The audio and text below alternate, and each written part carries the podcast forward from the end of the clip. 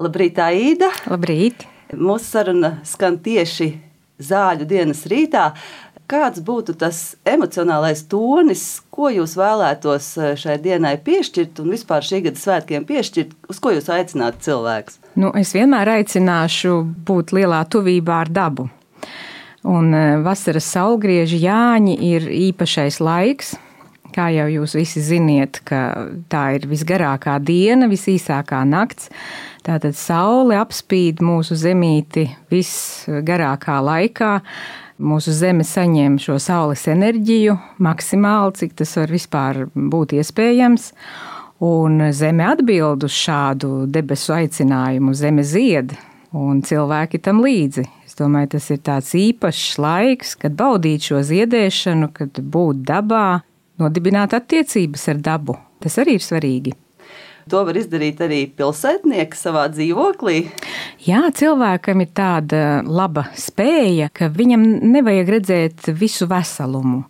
Jau senos laikos, paleolītā, bieži vien, lai attēlotu kādu dievību vai kādu īpašu notikumu, uz alu sienām uzgleznoja kādu elementu. Pirmais šāds simbols, svarīgais bija roka, plaukstas nospiedumi. Tālāk, atgriežoties pie mūsu Jāņu svinēšanas, tas var būt ozola zars, tas var būt Jāņu zāļu pušķis, kas ir ienests istabā, vai tas var būt kāds parks un kāds stūrītis dabas, un šo sajūtu var noķert. Jau otro gadu Jāņi notiek nu, bez tādām plašām tautas masām, tādā intīmākā gaisotnē. Vai tas kaut ko būtisku atņem šiem svētkiem, vai šajā nu, zināmajā intimitātē ir arī kādi iegūmi? Kā jau vienmēr, visam ir savi plusi un savi mīnusi. Protams, ka lielākas ļaužu masas nu, veido tādu kopīgu noskaņojumu, kopīgu enerģiju un Nu, pētnieki ir atraduši, ka tajos senajos laikos kaut kur līdz 150 cilvēkiem nu, tas bija tas maksimums, kāds skaits pulcējās kaut ko svinot.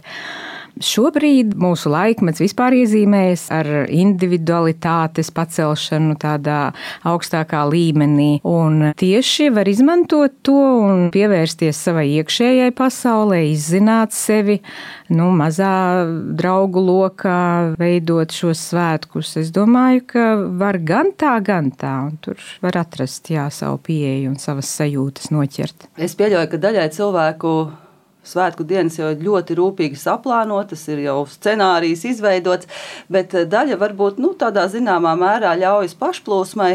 Bet kas būtu varbūt tas kaut vai minimālais komplekts, ko jūs ieteiktu cilvēkiem noteikti paveikt Jāņos, lai tās vienkārši neizvērstos par parastām brīvdienām, bet būtu šī svētku pieskaršanās? Nu, man šķiet, ka tas parastais komplekts ir arī saglabājies cauri gadu simtiem, cauri dažādām varām un ideoloģijām, un e, mēs esam to mantojuši tiešā veidā. Pirmām kārtām tā ir Jāņu guns, kas tiek iededzināta Jāņu vakarā. Tad tie ir vainagi, kurus sievietes pin no pļavas ziediem un vīriem nopin no ozola lapām. Un tālāk rituālais ēdiens, kas arī visiem plaši pazīstams protams, tas ir Jāņu siers un Jāņu alus, atkal sievišķais un vīrišķais tāds eh, aspekts tiek iezīmēts.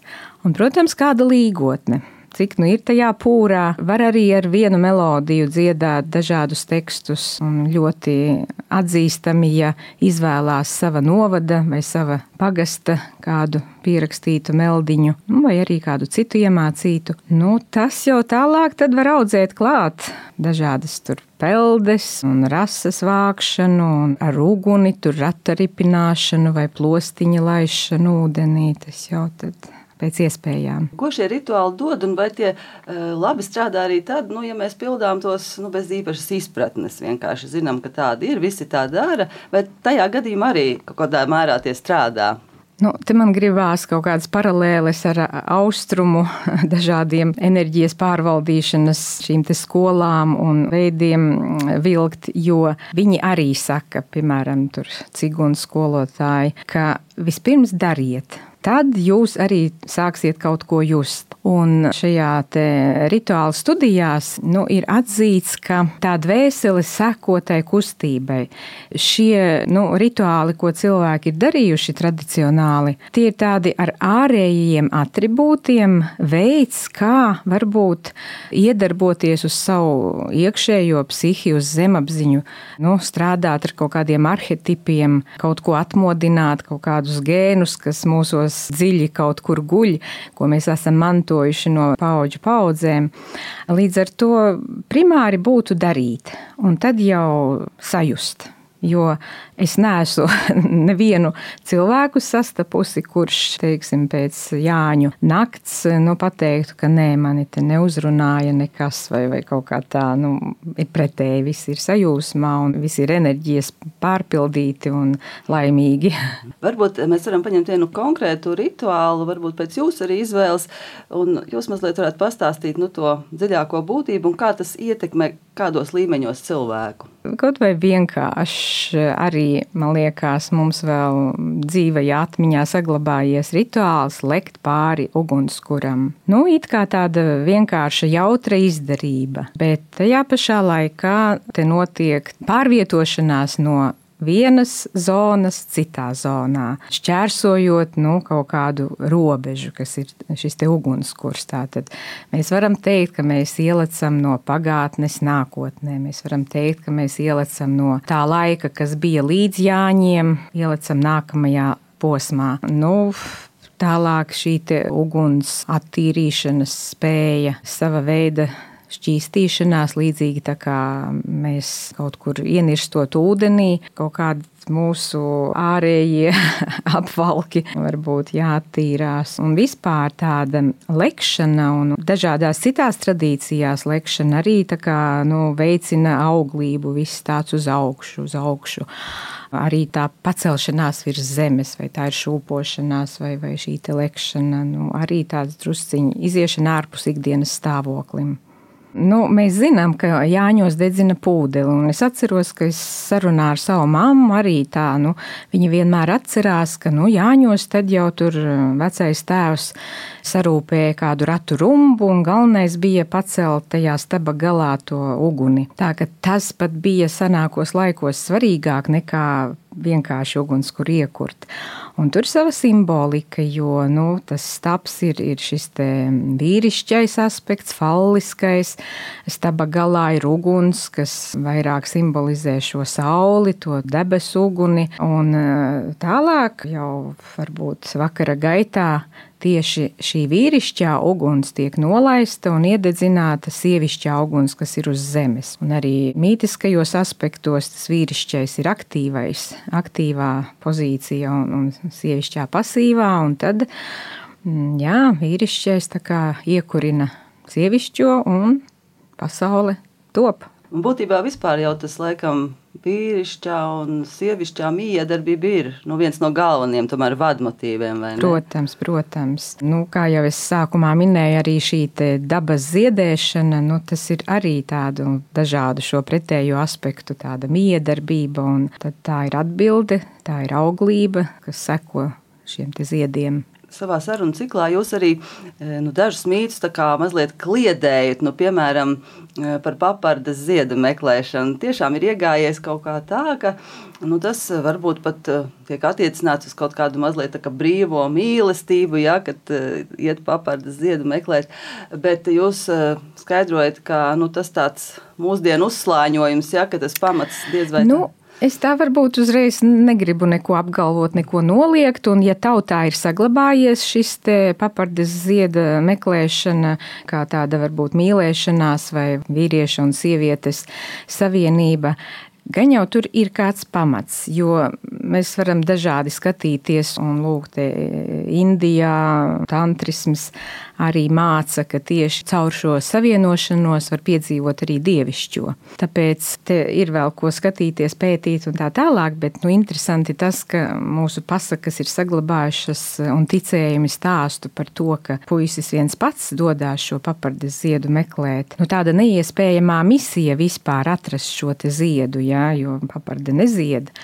Bet, lūk, tiekot galā ar dažādiem pārbaudījumiem, kas tur nakts laikā, mežā, dzīvnieku veidā vai kādu zemāku mītisko spēku veidā var uzbrukt, un ar visu to tiekot galā, nu, iespējams, tas jaunais varonis inicējas. Viņš ir pārvarējis šīs bailes, viņš ir veicis šo uzdevumu un atgriezies sveiks un vesels.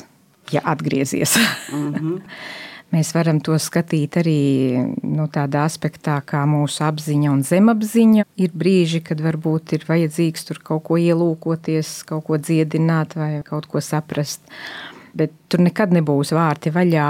Tās ir divas dažādas pasaules ar konkrētu robežu un, un tā.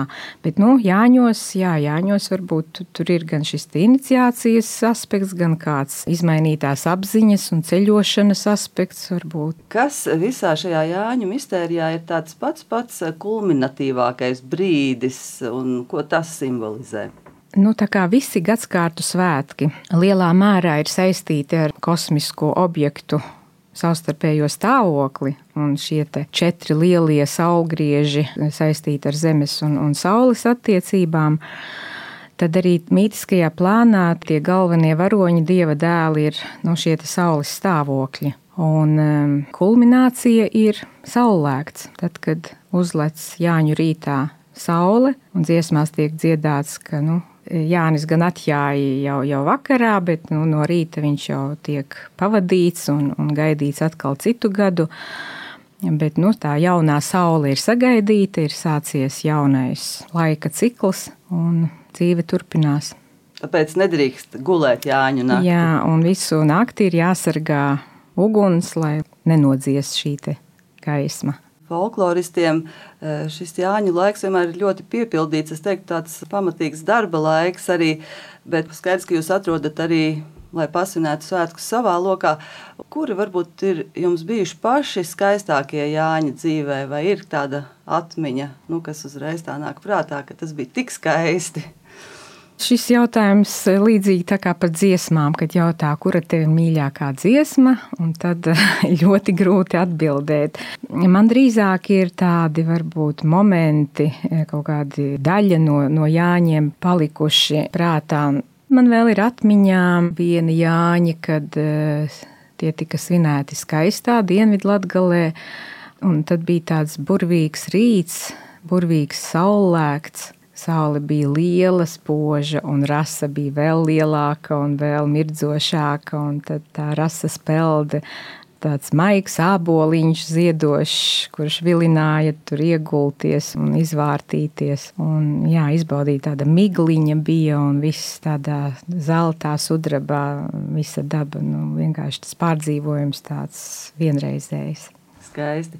Jā, bet eh, tikpat eh, interesanti un jauki ir tās nakts peldes un, un plostiņa pludināšanas un tas pārdzīvojums ugunsratu ripinot, vai viņš tagad noripos vai neapgāzīsies pa ceļam, vai viņš ieripos ezerā un Nu, daudz jau tādi momenti, arī tādas apdziedāšanas, kas ir eh, tādi jautrības momenti un tā.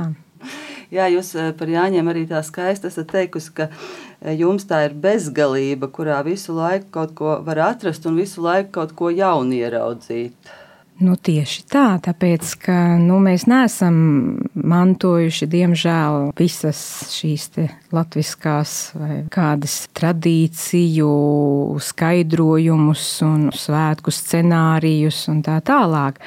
Un tas tagad ir nu, pa gabaliņam atkal jāliek kopā, jāpēta, jāskatās. Un eh, ar vienu, ar vienu kaut ko jaunu var atrast. Vienu brīdi jā, bija interesanti, ka šī tradīcija senākā bija to debesu uguni tieši ozolā likt un vēl to kārti tur ar sarkanām bantēm piesiet. Tad šogad, jā, es, es atklāju šo te atkal uguns aizdedzināšanas secību. Un ik pa laikam, jā, kaut kur vai nu darot kaut kas tā kā piešķiļ, vai lasot, vai pētot.